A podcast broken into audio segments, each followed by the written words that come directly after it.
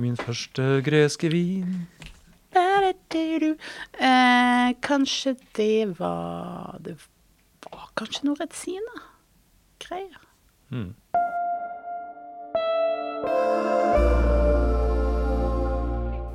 Hei, velkommen til Vinmonopolets podkast. I studio i dag sitter Anna Studian, og jeg heter Anne Engrav. Og vårt tema for denne episoden er Hellas. Vinlandet Hellas. Ja. Endelig så skal vi dra til, eh, til Hellas. Ehm, har du vært i Hellas? Nei, jeg har ikke vært i Hellas. Jeg syns jo egentlig det er litt flaut at jeg ikke har vært i Hellas. Det er ikke så kultivert å ikke ha vært i Hellas. Ja. Det er nok eh, Ja, det er, det er mange har jo vært i Hellas. Um, men det er kanskje ikke så mange som eh, kjenner til ehm, gresk vin, bortsett fra eh, Retsina. Nei, eller har det snudd? De siste åra har det jo vært litt sånn uh, snakk om uh, greske viner. Det er liksom blitt litt sånn uh, oppi Det er sant. Ja. Det har jo egentlig Utvalget av gresk vin på Vinmonopolet har jo nesten si at det har eksplodert. Selv om, selv om det bare er snakk om rundt 120 ulike viner nå, så var det jo bare for noen år tilbake så var det snakk om liksom en fem stykker omtrent. ja, og vi fikk jo en sånn øyeåpner. Nå var jo det riktignok i Var det 2015 vi har funnet ut at det var? Ja, sånn omtrent. Som det var noen lanseringer på polet med, med greske rødviner som var litt sånn Å, herregud, har du smakt det? Både overraskende og, og veldig eh, god kvalitet. Ja. ja. Jeg husker at jeg var eh, dommer i dette eh, panelet som skulle sånn, smake disse, disse vinene. Det var eh, ja. SPI, som vi kaller det. ja, og jeg gikk ut fra dette dommerrommet og tenkte at eh, Hva skjedde nå, liksom? Det var ikke det du hadde tenkt da du gikk inn? ja. Hvorfor, hvorfor er det ingen som har eh, snakket om dette før? Nei, Eller- et sted må man jo begynne. Ja da. Eh, og det var da en, en rødvin fra et område som vi skal eh, snakke litt grann om seinere i denne episoden. Men Vi, ja, vi pleier å begynne i verdensrommet. Ja, det er det vi gjør. vi reiser først ut i verdensrommet, og så ser vi liksom ned på jorda. Ja. Eh, og vi skal da til eh, den, eh, den sørlige delen av Europa. Mhm. Eh, vi skal jo til Middelhavet. De fleste vet jo at Hellas ligger jo ved Middelhavet. Ja, det ligger jo eh, og liksom strekker seg ut i Middelhavet. Eh, og har jo eh, hav på flere kanter, men oppe i nord så er det grenser Du er stødigst på geografi. Hvor, hvor er det? Det er Jo, takk for det. Er det Albania? Ja, eh, altså Nord så grenser da Hellas eh, mot eh, Albania. Og så kommer da Nord-Makedonia, er det vel det det heter? Ja, det er litt morsomt. Nord-Makedonia er et eget land, men Makedonia er en region i Hellas. Ja. Det var vel Kilde til forvirring. Det var jo både forvirring og kanskje en kilde til konflikt også en periode, eh, akkurat det der. Eh, og så eh, har vi da Bulgaria, Mm. og så kommer da Tyrkia helt i øst. Og det er de landene som, som grenser mot Hellas. Og alle de ligger da helt som i den nordlige delen. Og resten av eh, grensa er ut i Middelhavet. Ut i havet. Eh, og når jeg ser på et kart over Hellas, så, eh, så ser det ikke ut som ett land. Nei. Eh, hvis jeg skal si det sånn. Det ser ut som det er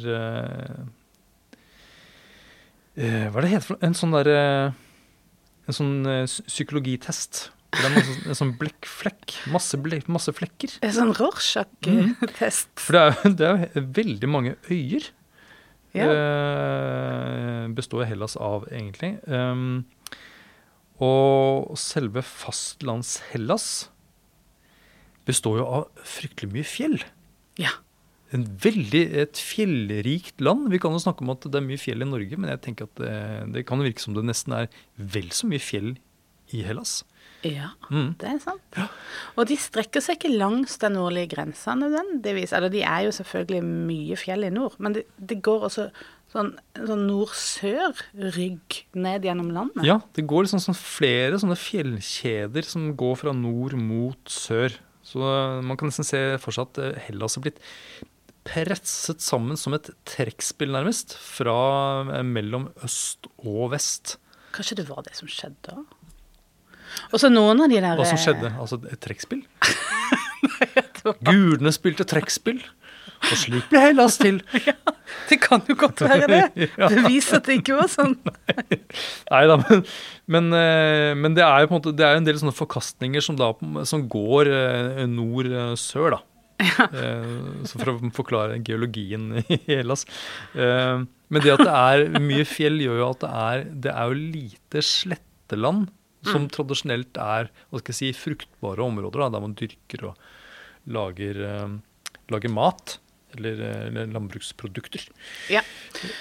Og, og det gjør jo også at veldig mye av vinmarkene i Hellas er små.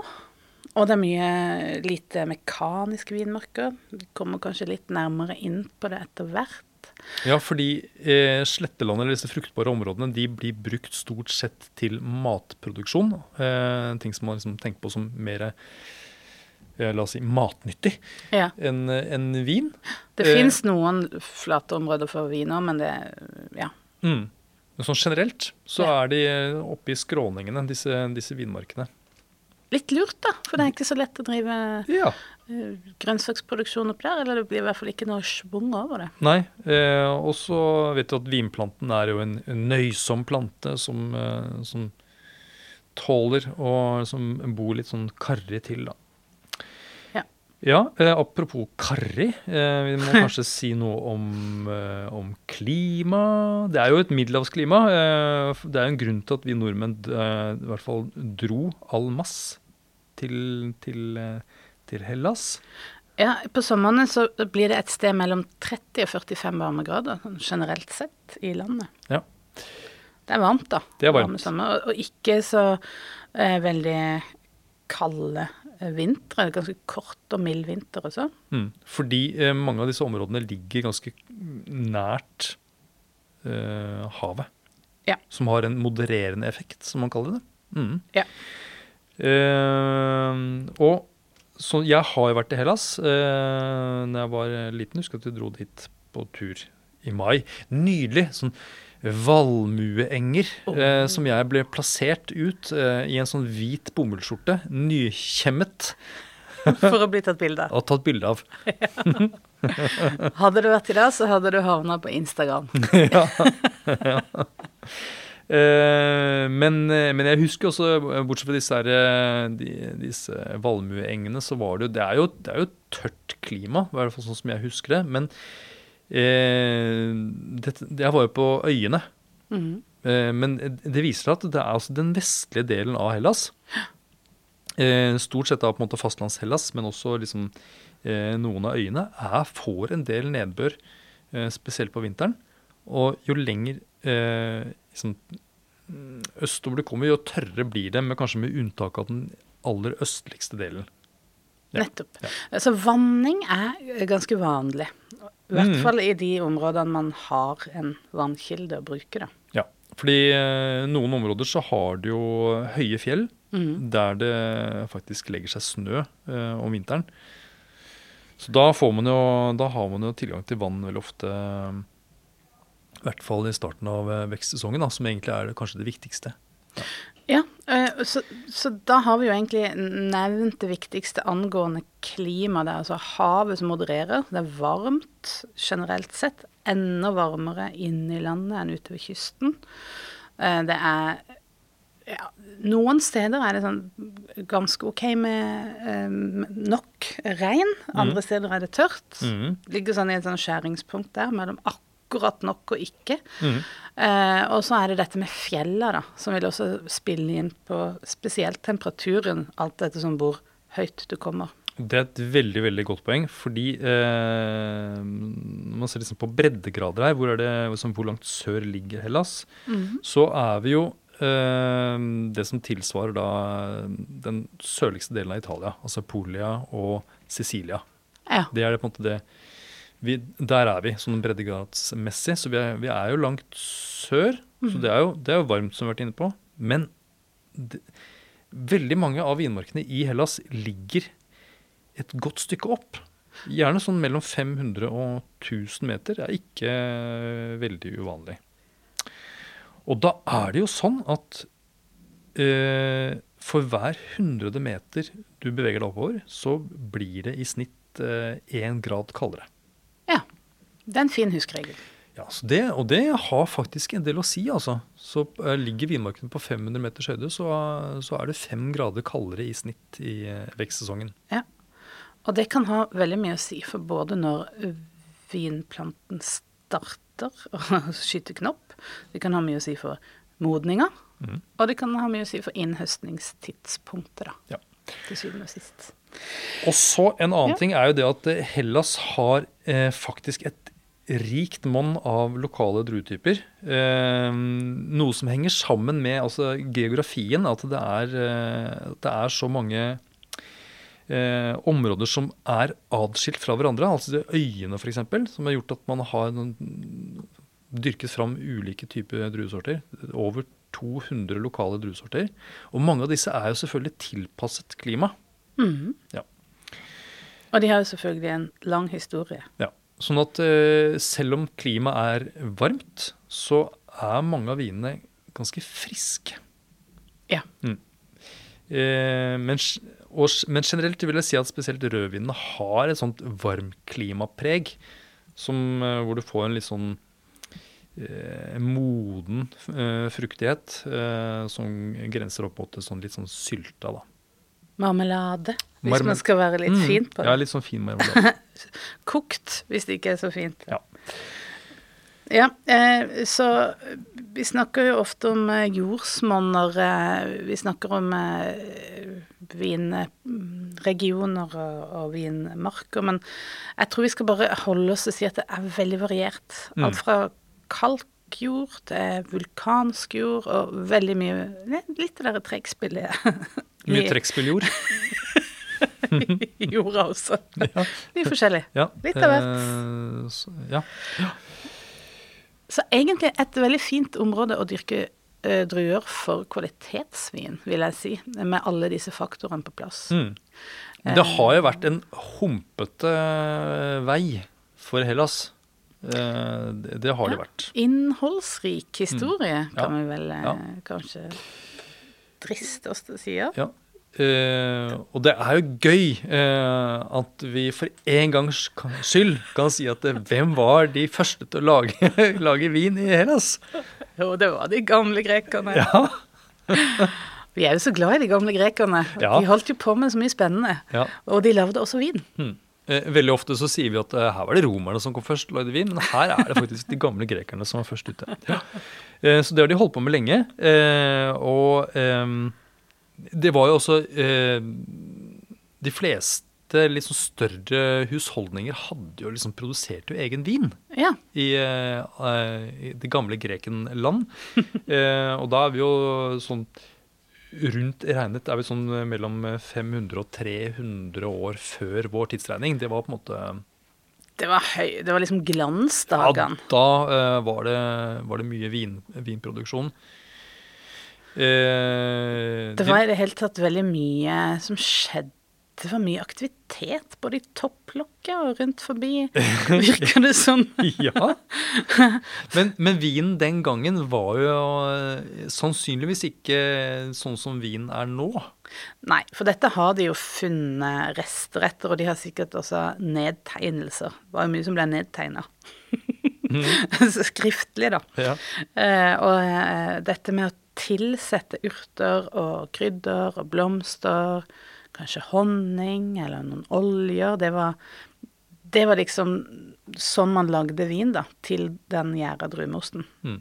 Og det kunne være både fordi man ønsket å konservere vinen, men også at man ville dekke over eh, noen sånne smålyter Ja. eh, i, vinen, og kanskje bare fordi man syntes det var godt. Man hadde kanskje ikke en sånn, hva skal jeg si, et sånt eh, konservativt syn på, på vin som eh, at det bare skulle være en drikk produsert av druer den Nei, gangen. kanskje ikke det, men kanskje de var litt konservative. De lagde jo det som eh, på en måte man kan kalle den første vinloven. Så man hadde regler for hva man kunne eh, Man skulle lage Hvordan en vin skulle være for å kunne si at den var fra Kios, f.eks. Ja, Som er en, en øy i Det egeiske hav. Ja. Ja. Og med Ja. det så kommer jo også forfalskninger, ikke sant. Eh, Ja, ja fordi eh, eh, de drev altså, eh, eksport av eh, vinene sine, mange av disse greske vinprodusentene, den gangen. Eh, og da tappet jo vinen ikke på flaske, for den var jo ikke funnet opp ennå, men de brukte amforaer. Ja. Og sånn som Nokia, som du nevner, eh, hadde da eh, egne, en egen fasong på eh, amforaene sine, som gjorde at når folk kjøpte en Kios-vin, så kunne de kjenne igjen på fasongen på amforaen. Andre brukte eh, egne seil eller eh, andre sånn eh, inskripsjoner på, på selve amforaen. Da. Så en type både merkevarebygning, men også en, eh, de første vinlovene. Ja, På en måte, faktisk. ja. Og, eh, og også det for å lukke eller forsegle aromaen, så ble det jo også brukt kvare. Eh, og det er jo det som er på en måte opphavet til retsina, som fremdeles mange forbinder med det som er gresk vin. Da. Ja. Det er litt gøy. Ja, det er litt gøy. Det, kom, det kommer vi også litt mer tilbake til, men det er liksom opprinnelsen. Da. Mm. Men eh, eh, etter de gamle grekerne så kom jo eh, de gamle romerne. Ja, de litt yngre romerne. ja, ja. Eh, og tok over Hellas og sa at eh, ok, nå er det vi som Nå er det skal, nå er det vi som skal styre. Og ja. romerne de hadde jo sin egen vinproduksjon. De var jo litt sånn, eh, det var jo en, en grad av proteksjonisme eh, der. Ja, de ga faktisk beskjed om at eh, dere er nå en del av Romerike, Mm. eh, men uh, vinen deres kan dere ha for dere sjøl. Ja, den, eh, For det er liksom de, de vinområdene som ligger nærmere Roma, det er de som skal få lov til å tjene penger på eksport. Ja.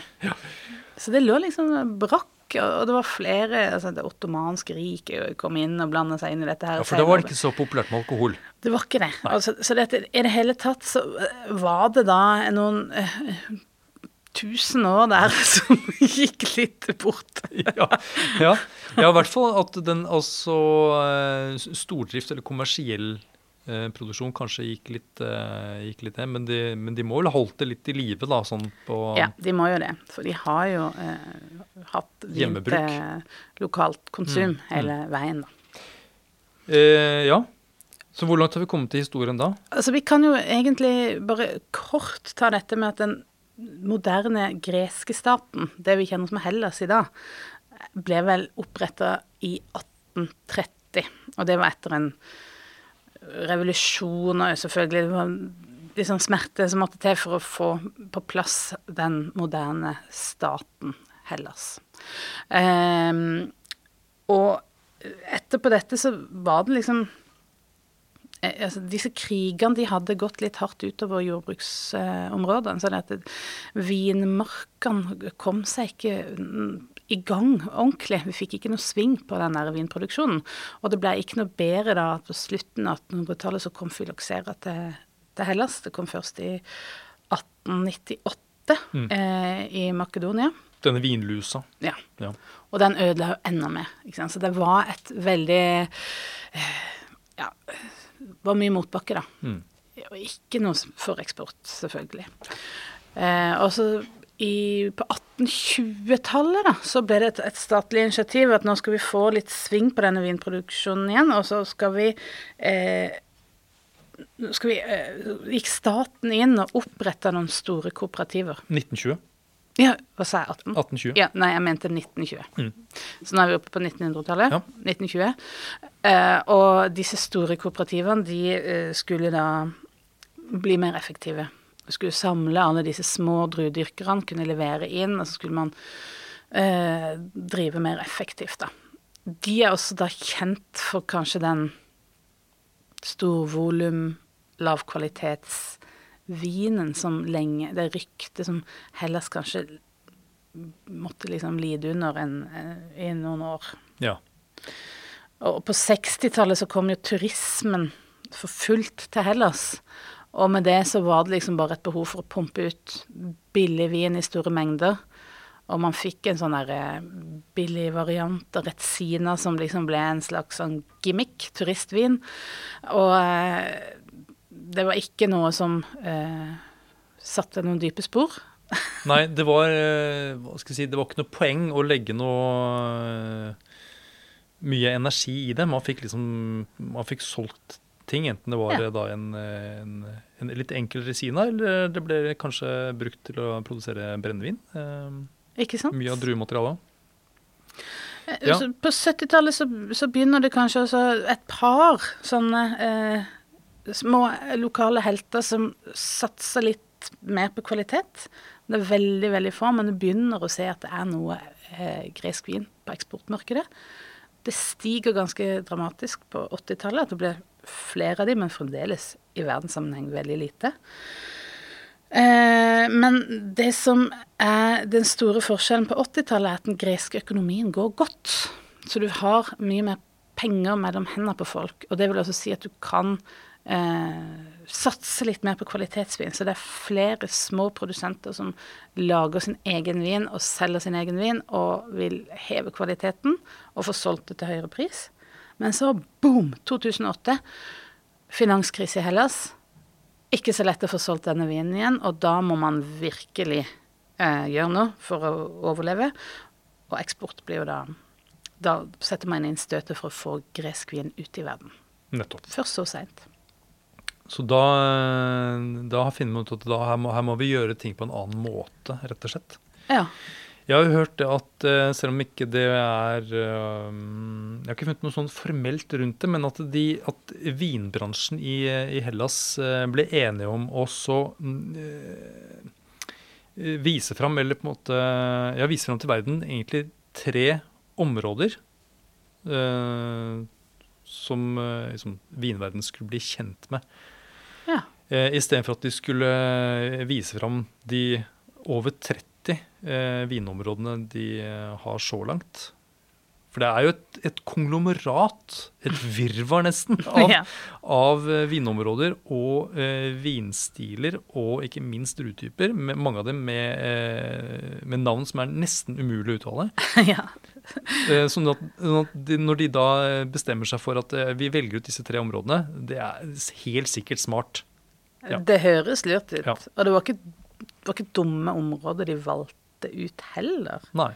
Kan du ikke, kan, Hvilken var det det var? Ja, det var jo eh, Naossa, som ligger eh, helt eh, nord. Og så var det Nemea, som da ligger et godt stykke lenger sør, men fremdeles på det som regnes på, skal si, på fastlands eh, Hellas. Eh, og så eh, var det da Santorini, eh, som da er en, en øyvin. Ja. Eh, Det viser jo liksom litt bredden i det her landet, med- fra, fra nord og så ned fastlands sør, og så ut på øyene. Det er en Mm. sånn eh, Hellas i miniatyr, Ja. vil de sikkert si. Ja, en reise gjennom eh, Hellas, og det var jo sikkert eh, Hva skal jeg si eh, Man skulle gi noe til de, de fleste på en måte. Eh, men, men det var jo smart. Jeg vil jo si at spesielt to av disse områdene har jo markert seg internasjonalt. Mm. Skal vi ta for oss eh, Hva skal jeg si eh, noen sånne hovedområder i Hellas, kanskje? Ja, kan vi ikke begynne med de tre du nevnte der? Ja. For det, det, det er jo, som du sier, en reise gjennom Hellas. Ja, ja, men Da kan vi begynne med Naossa. Eh, Ja. Som er eh, et område som ligger eh, langt nord i, i Hellas. Eh, eh, rett i nærheten av en by som heter Naosa. Og dette området fikk eh, status som vinområde i 1972. Og det er eh, kun et rødvinsområde. Og her er det bare lov til å bruke en drue som heter Synomavro. Ja, Ja. den skrives med X. Ja. Så det er en sånn perfekt wordfeud uh, scrabble-ord, egentlig. Mm. Eh, vinlovverket tillater både tørre og halvtørre og søte varianter, faktisk. Um, men det vanligste er tørre viner. Ja, Det er sjeldent at det er de søte, men det er sikkert tillatt fordi de har hatt en tradisjon for det. Mm. Um, Og det er jo eh, ligger i skråninger på et fjell. ja. Eh, Mount, eller fjellet, da. Vernio, har jeg eh, lest meg til. Og, og det ligger liksom i en skråning som ligger vendt øst Så den er jo liksom beskytta fra de nordlige vi- eh, vindene, men det ligger jo relativt høyt. Mm. 150-500 meter omtrent. Ja, Noen kanskje enda høyere. ikke sant? Ja. Og, og det har jo dukket opp en del sånne Nausa-viner basert på Synomavro Mhm. etter hvert. Og noen av de som vi har smakt, har jo kommet fra sånne høytliggende vinmarker. Og man kan kjenne at det er Fruktigheten er litt sånn skal lysere, litt rødere, ferskere kanskje. Eh, enda friskere viner. Eh, men generelt så vil jeg jo si at disse Nosa-vinene er eh, Det er faste, dype, intense viner som spiller på mer enn bare fruktighet. Ja. Ja, det er noe sånn at de minner om Nebbiolo-baserte viner fra Piemonte, tenker jeg. Som Ja. Barollo Barbaresco-aktig. De, og det var vel det som gjorde at vi i sin tid ble litt sånn Hæ, hva skjedde her? Som du forklarte i begynnelsen av episoden. For det er denne detaljrikdommen som eh, er kombinert med en sånn tydelig struktur, både høy syre og ganske kraftig snap, eh, gjør at man, eh, man er ikke upåvirka etter å ha smakt sin første Cinnamavro? Nei, eh, for den er både syrlig og snerpende, og så har den da noe sånn te og tjære, soltørket tomat, eh, og stjerneanis, og det er liksom mange spennende aromaer i disse vinene. Og eh, de har jo en tendens i hvert fall til å utvikle seg veldig fint. Det er, eh, Ja. Mange av dem er lagringsdyktige viner. Hva vil du si, hvis du får en blindsmaking, hvordan vil du skille en Nebbiolo fra en Synomavro? For det er såpass mange likheter at det nesten er lettere å snakke om forskjellene, eller? Mm. Nei. sånn. Ja. øh, kanskje jeg ville si det at øh, disse Nebbiolo-vinene har mer av disse topptonene. ja. Um, mer av disse te og balsam, mens eh, Synomavro kanskje har mer sånn innslag av det jordlige, litt sånn, eh, sånn lær, Kjøttaktig. kjøttaktig. Mm. Og hvordan, hva, hva ville du Eh, Jo, altså grunnen til at jeg spør er fordi at eh, det er ikke så lenge siden jeg tok eksamen, i diplomaeksamen, og da var jeg i blindsmakinga der fikk vi vise det seg at det er en Synomavro. Og når jeg smakte den vinen eh, på eh, eksamen, så var jeg helt Jeg bare tenkte yes, dette er Nebbiolo. Jeg var ikke i tvil. Ellers så tviler jeg på alt. Men uh, der og da så var jeg ikke i tvil, uh, og det gjør at um, Ja, kanskje det er den, denne kombinasjonen av høy syre, uh, mye snerp, og sånne overtoner eller noen sånne ja, aromatiske detaljer, da, som gjør at jeg klarte ikke å tenke på noe annet. Så I en blindsmaking tror jeg kanskje jeg ville gått til Nebbiolo uansett, bare jeg har ikke fantasi. Jo, men det er jo liksom sånn på, I diploma så lønner det seg å tenke litt sånn sjablongmessig. ja. Så hvis man støter bort en vin som har mange av disse Nebbiolo-egenskapene, så er det dumt å satse på noe annet. Ja, ja, det er sant. Eh, og så er det jo sånn at tradisjonelt sett så eh, ble jo denne vinen lagd på store eh, fat. Eh, og hadde kanskje mindre den fruktige. Var sikkert litt sånn røffere i kantene mm. med den eh, tanninstrukturen og eh, syrestrukturen som mest dominerende. Eh, og så kom eh, 1990-tallet, og da skjedde det i, i Nausa, som alle andre steder i vinverden, at franske barikk ble hypermoderne, og mange som kasta seg på den trenden, som ga kanskje enda mer tannin. Mye tydeligere fataroma. Eh, litt sånn kraftigere, fyldigere viner, kanskje. Vil du ikke si det? At det har en effekt. Litt mer som blåfrukt. Dette her er jo det, det, er det samme som har skjedd i eh, Barollo Barbaresco. Ja. At man fikk den fatpregede, liksom mer internasjonale stilen eh, på 80- og 90-tallet. Men så har det som så svinger pendelen tilbake, ikke sant. Ja. Eh, så nå er det mange av produsentene som er mer varsomme med bruk av fat, eh, og fokuserer mer på kanskje å få en, en, friskere, mer delikat eh, vin. Eh, og noen av de mest toneangivende produsentene lager jo viner som nesten er noe annet enn en tradisjonell Sinomavro. Ja. Eh, og jeg er jo av og til liksom litt engstelig for at eh, når noen produsenter blir veldig kjente, Mm. eh, så så kan de tegne et, et litt galt bilde av hva eh, vinområdet eller druetypen kan eller vanligvis er, da. Ja, at det blir den stilen som definerer Mm. området eller druetypen. da. Ja. Så ikke, vær, ikke bli redd om dere støtter borti en synomavro som biter litt fra seg, og som har mer det jordlige innslaget. Ja, ja, det er sant. Mm. Og så ser vi denne moderne teknikken som går mot eh, kanskje mer sånn eh, mindre ekstraksjon, eller en annen form for ekstraksjon, der man er mer ute etter aromaene i skallet og kanskje farven enn eh, tannin. Og da bruker man teknikker som kanskje er mer sånn at du, du trekker ut og holder mosten kjølig, så du får trukket ut før du begynner gjæringa. Mm.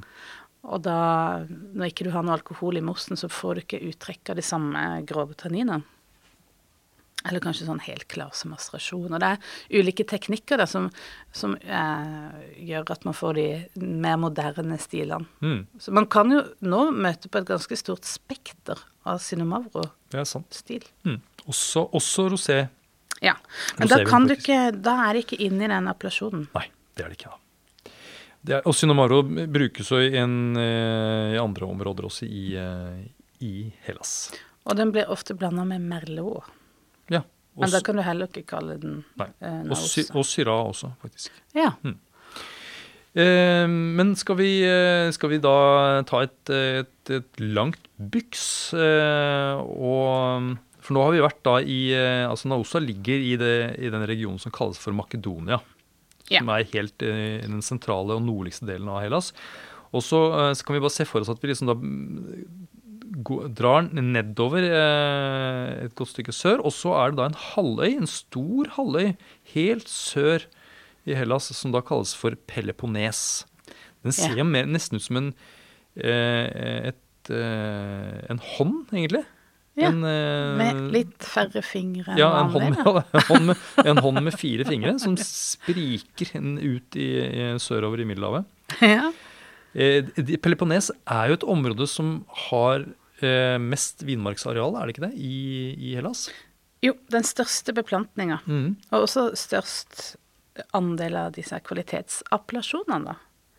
Ja. Faktisk. Eh, selv om kanskje eh, grunnen til at det er en så stor beplantning, er at det er en del volumvin som produseres der. Ja. Og eh, selv om det er en halvøy, så er, har den også en, denne, en sånn fjellkjede som går fra nord til, eh, nord til sør. Og på den østlige siden av, eh, av fjellet så ligger da eh, området Nemea. Mm. som fikk eh, områdestatus da i 1971. Og her er det også Dette er også en ren rødvinsappellasjon, og det skal være da basert på 100% ajorgitico. Nå var du veldig god. Syns du det? Ja, for det det er et ord vi har øvd på å si. Ajorgitico. Veldig bra. Ja, Mm. Det er jo da en blå drue. Det er det. Eh, det må det til hvis det skal bli en, en, en rødvin. ja. også her så ligger jo vinmarkene Ja, det vil si at her er det kanskje litt mer spredning i hvor høyt vinmarkene ligger. Man sier det at det er liksom de mest delikate vinene. Får man da på 500 meter og oppover. Mm. Ja.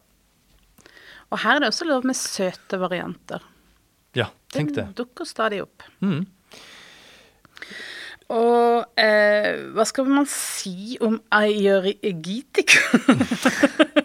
det er den mest planta blå drua eh, i hele Hellas.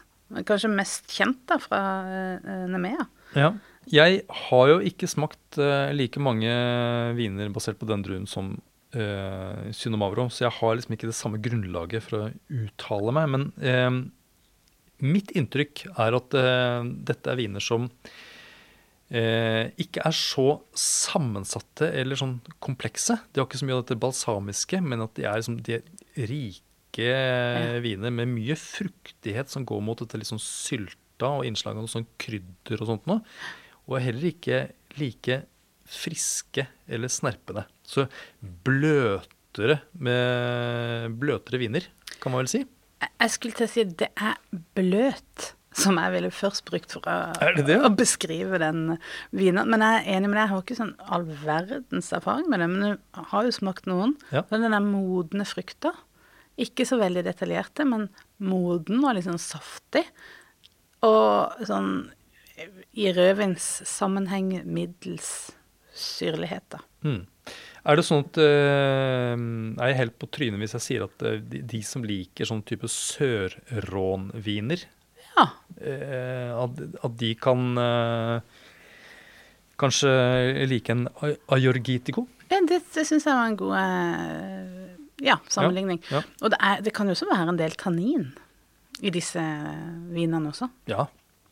Så den har jo liksom struktur, selv om den er bløt. Og også her så er det jo sånn at noen velger å lage viner på, ball- bare på stål, sånn at de får en, får en fruktig, en ganske sånn fersk vin. Andre lagrer det på, på store eller små fat uh, i varierende tid. Så du, det er et, eh, et ganske stort spenn stilmessig Ja, her. Litt det samme spennet, egentlig, som vi var inne på Cinemabro. Ja. Og den der eh, tendensen mot å, å fremheve fruktigheten og dempe tannin og sånn, er også en del av den moderne stilen, da. Eh, det Ja. er eh, Nå skal vi jo ikke ta for oss eh, alle områdene i, eh, i Hellas, vi, men det er jo da en god del andre vinområder på Peloponnes. Eh, Noen er eh, forbeholdt søte viner, mens andre er for eh, tørre hvitviner. Eh, Blant annet en som ligger helt i sør, som er basert på Malvasia.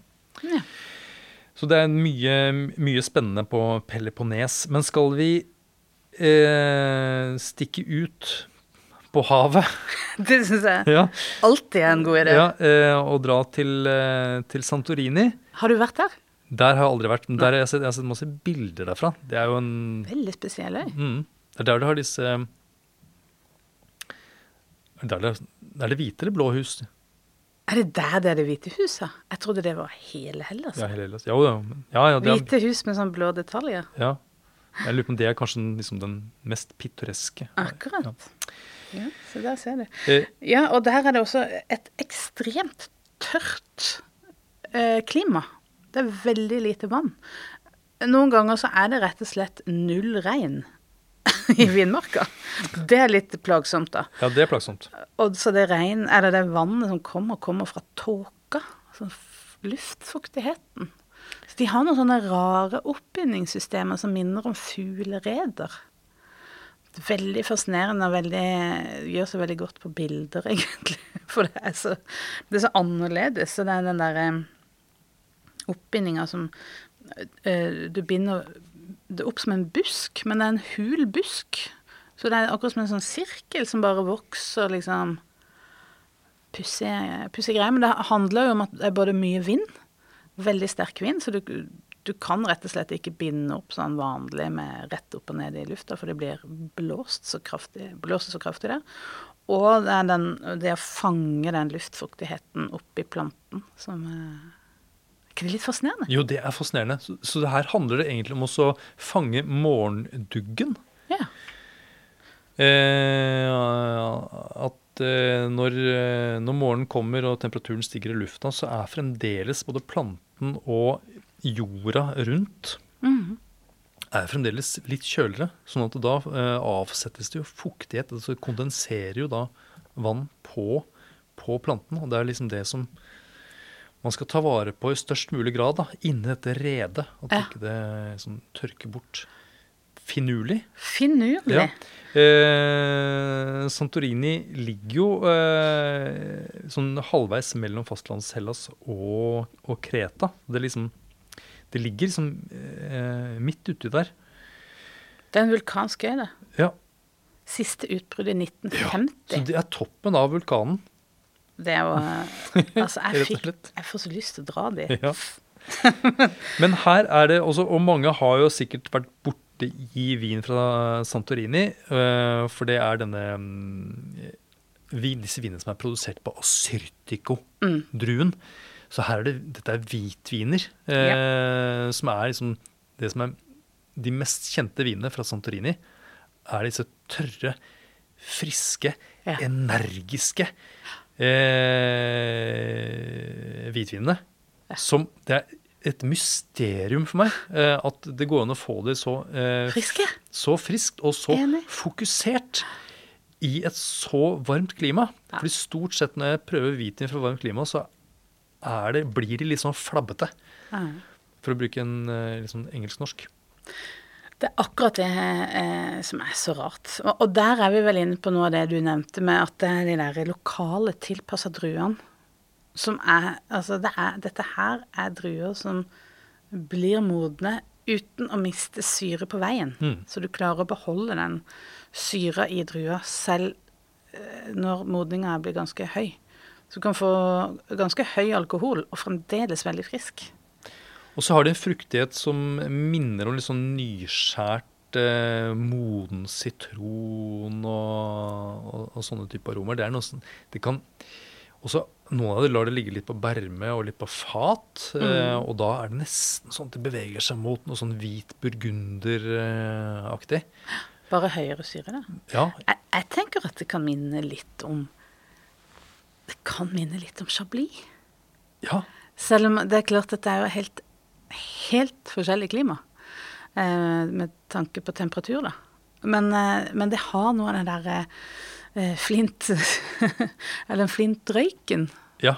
Eh, og da er det lett å tenke at den røykete flintrøykpreget kommer fra Vulkan. vulkan. Nei, det er vulkansk røyk. Jeg tror ikke det. Jeg tror det er noe eh, i druer, altså. Ja. Vi har jo snakket om det før at eh, sånne type aroma kan henge sammen med reduktivitet. Ja, Ja. det òg. Men at det er noe sånn røykaktig innslag der, eh, og noe nesten sånn saltaktig også. Men salt, det kan det jo virkelig være. Med den vinen så er det jo eh, fort gjort at det blir en liten sjøsprøyt på det skallet der. Det er et godt poeng. At det blåser opp rett og slett sjøvann, og så setter det seg på, på druene, og så blir det rett og slett litt salt Ja. i vinen. Ja. Mm.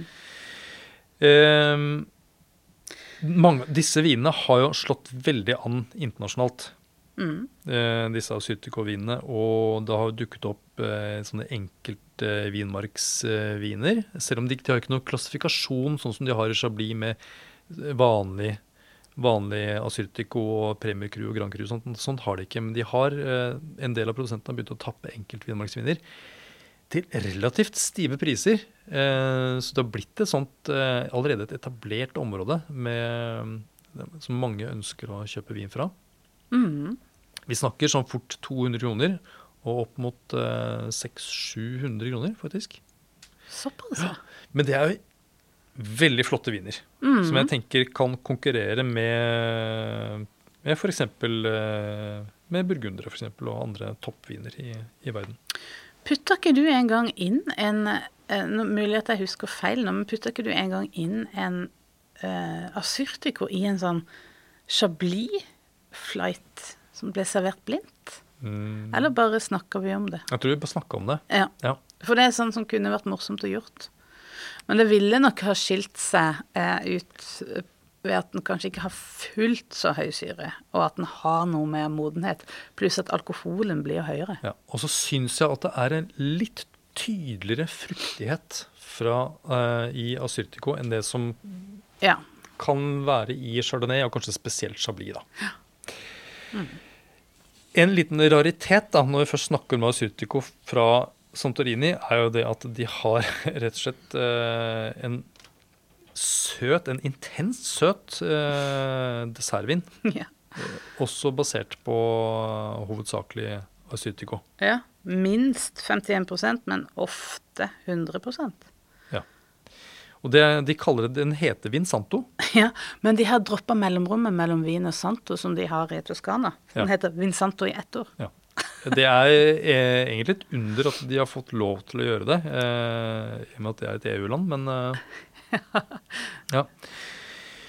Ja. Eh, dette er viner som har sånn mellom 200 og 300 gram sukker per liter, så det er veldig veldig søtt. Eh, de, mange av de ligger på fat eh, som kanskje ikke er toppet helt opp, så de, har, de kan være litt sånn mot den oksidative siden. Ja, Eh, og Sjokolade og nøtter og sånn. Mm. Aldri smakt det selv. Høres veldig spennende ut. Ja, og de lar også eh, druene tørke i sola i to-tre uker. Så her gjøres det jo mye for å få eh, liksom konsentrert sukkeret, og for å få de der eh, intense aromaene, blir det jo da, som fjerner seg fra det man finner i tørre asyrtikuer. Det blir spennende å se om de fortsetter å lage den vinen, eller om de kommer til å velge å bruke eh, mer av druene til tørre hvitviner. Det er sant. Ja. Det er jo i det hele tatt ganske eh, lang og stor tradisjon for eh, å lage søte viner. Så for eksempel alle øyene rundt forbi har jo sin egen søtvinsvariant. Det er sant. Og det går mye på dette her med å tørke druer, eller er det ikke det? At Jo. Man lar druer tørke på, på vinstokken. Jo. Eh, jeg tror, sånn i farta, så har jeg, så har jeg ikke vært borti et vinland som har så mange bestemte appellasjoner som er knyttet til søtvinsproduksjon, faktisk. Og det, er jo, det går jo mye i, i muskatellbaserte viner. Eh, der de vinene fra Samos er kanskje de mest eh, kjente, men også øya eh, Lemnos, f.eks. Eh, men også Chepalonia.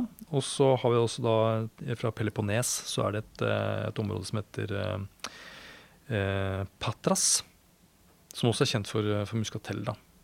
Men så har de også røde, søte viner i Hellas. Eh, Ja. Og spesielt da den som er basert på Mavrodafne. Mavrodafne, du. Ja. Ja.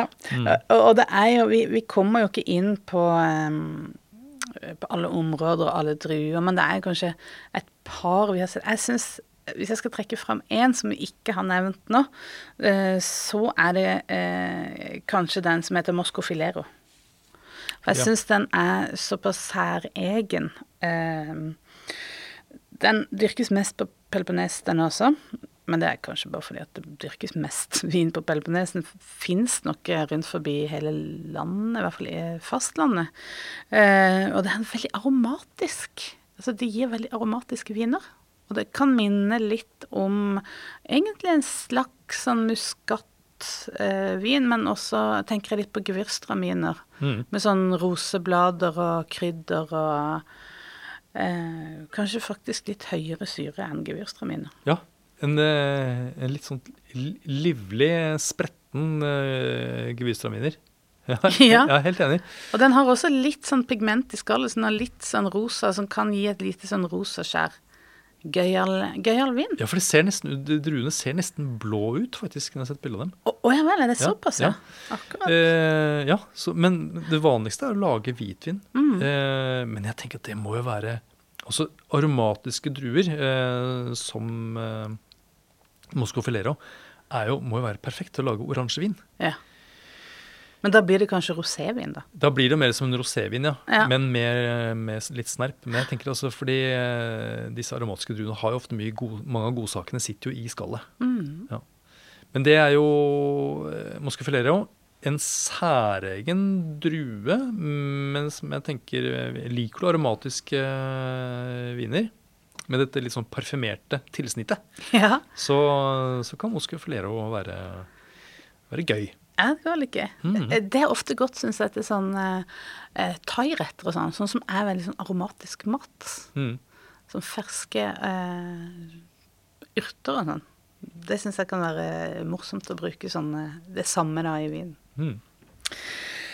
Ja. Nei, eh, vi må eh, ikke glemme retsina. Ja. Vi har sagt vi skal snakke om det, Ja. og det vil vi. Mm.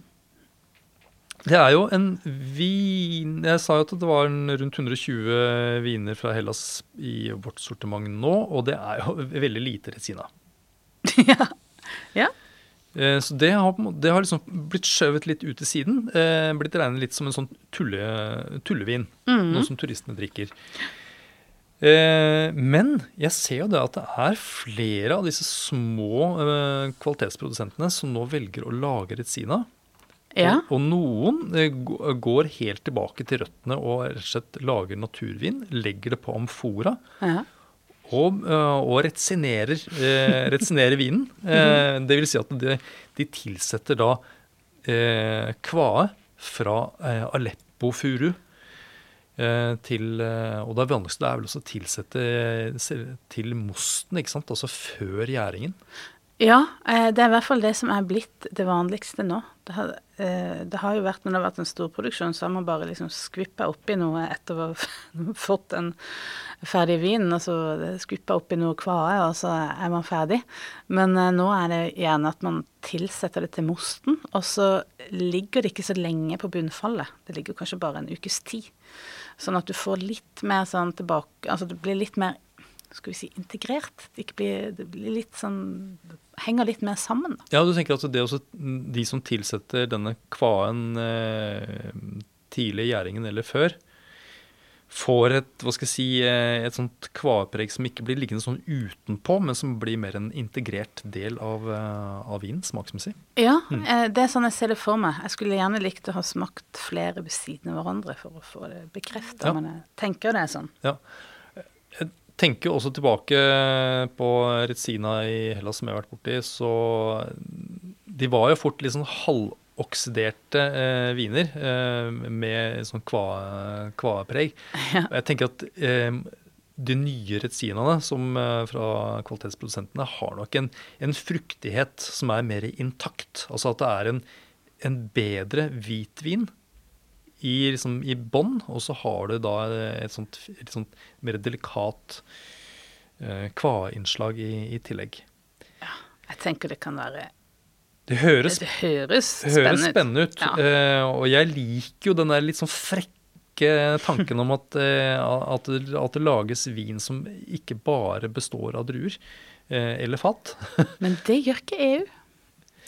Nei, ja, og det er jo litt Ja, for det er jo litt pussig, fordi EU-lovgivningen den begrenser egentlig vin til ting som, hvor råvaren er vindruer. Punktum. Ikke ja, noe annet. Det er ikke, ingenting annet skal inn.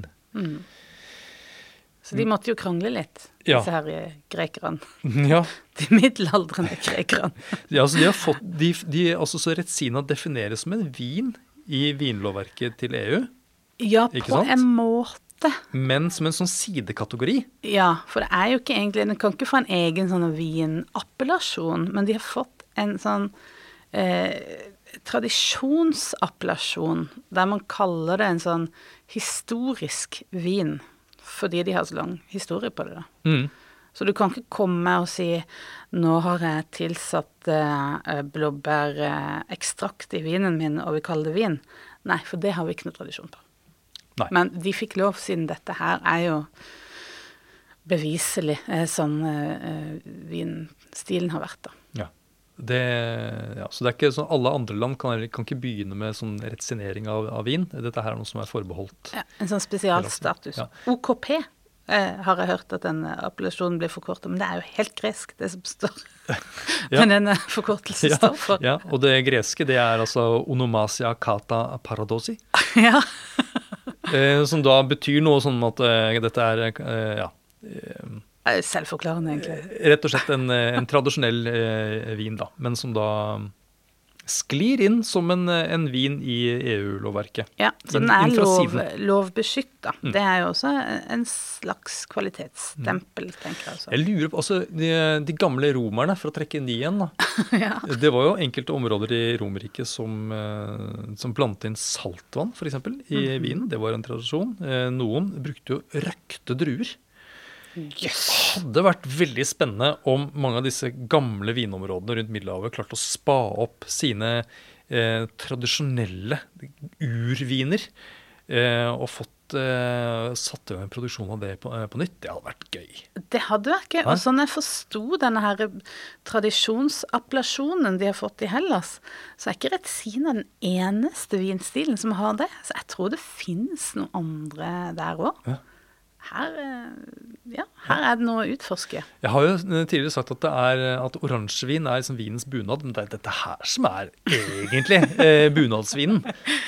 Ja, eller er det noe før bunad? Nei, det er det ikke. Nei. Eh, eh, men, vi, vi, må ikke glemme å nevne at druetypene i Retsina yes. er, kan egentlig være hva som helst, til og med rød. Eh, vinstruer. Ja. Men eh, vanligvis er det, det som, den drua som heter Savatiano, og den som heter Roditis, Mm. som er de to aller mest beplanta druene, men som er kjent for å lage eh, store volum og klare å tørke godt, og er liksom ikke noe sånn Det er ikke noe stress. Nei.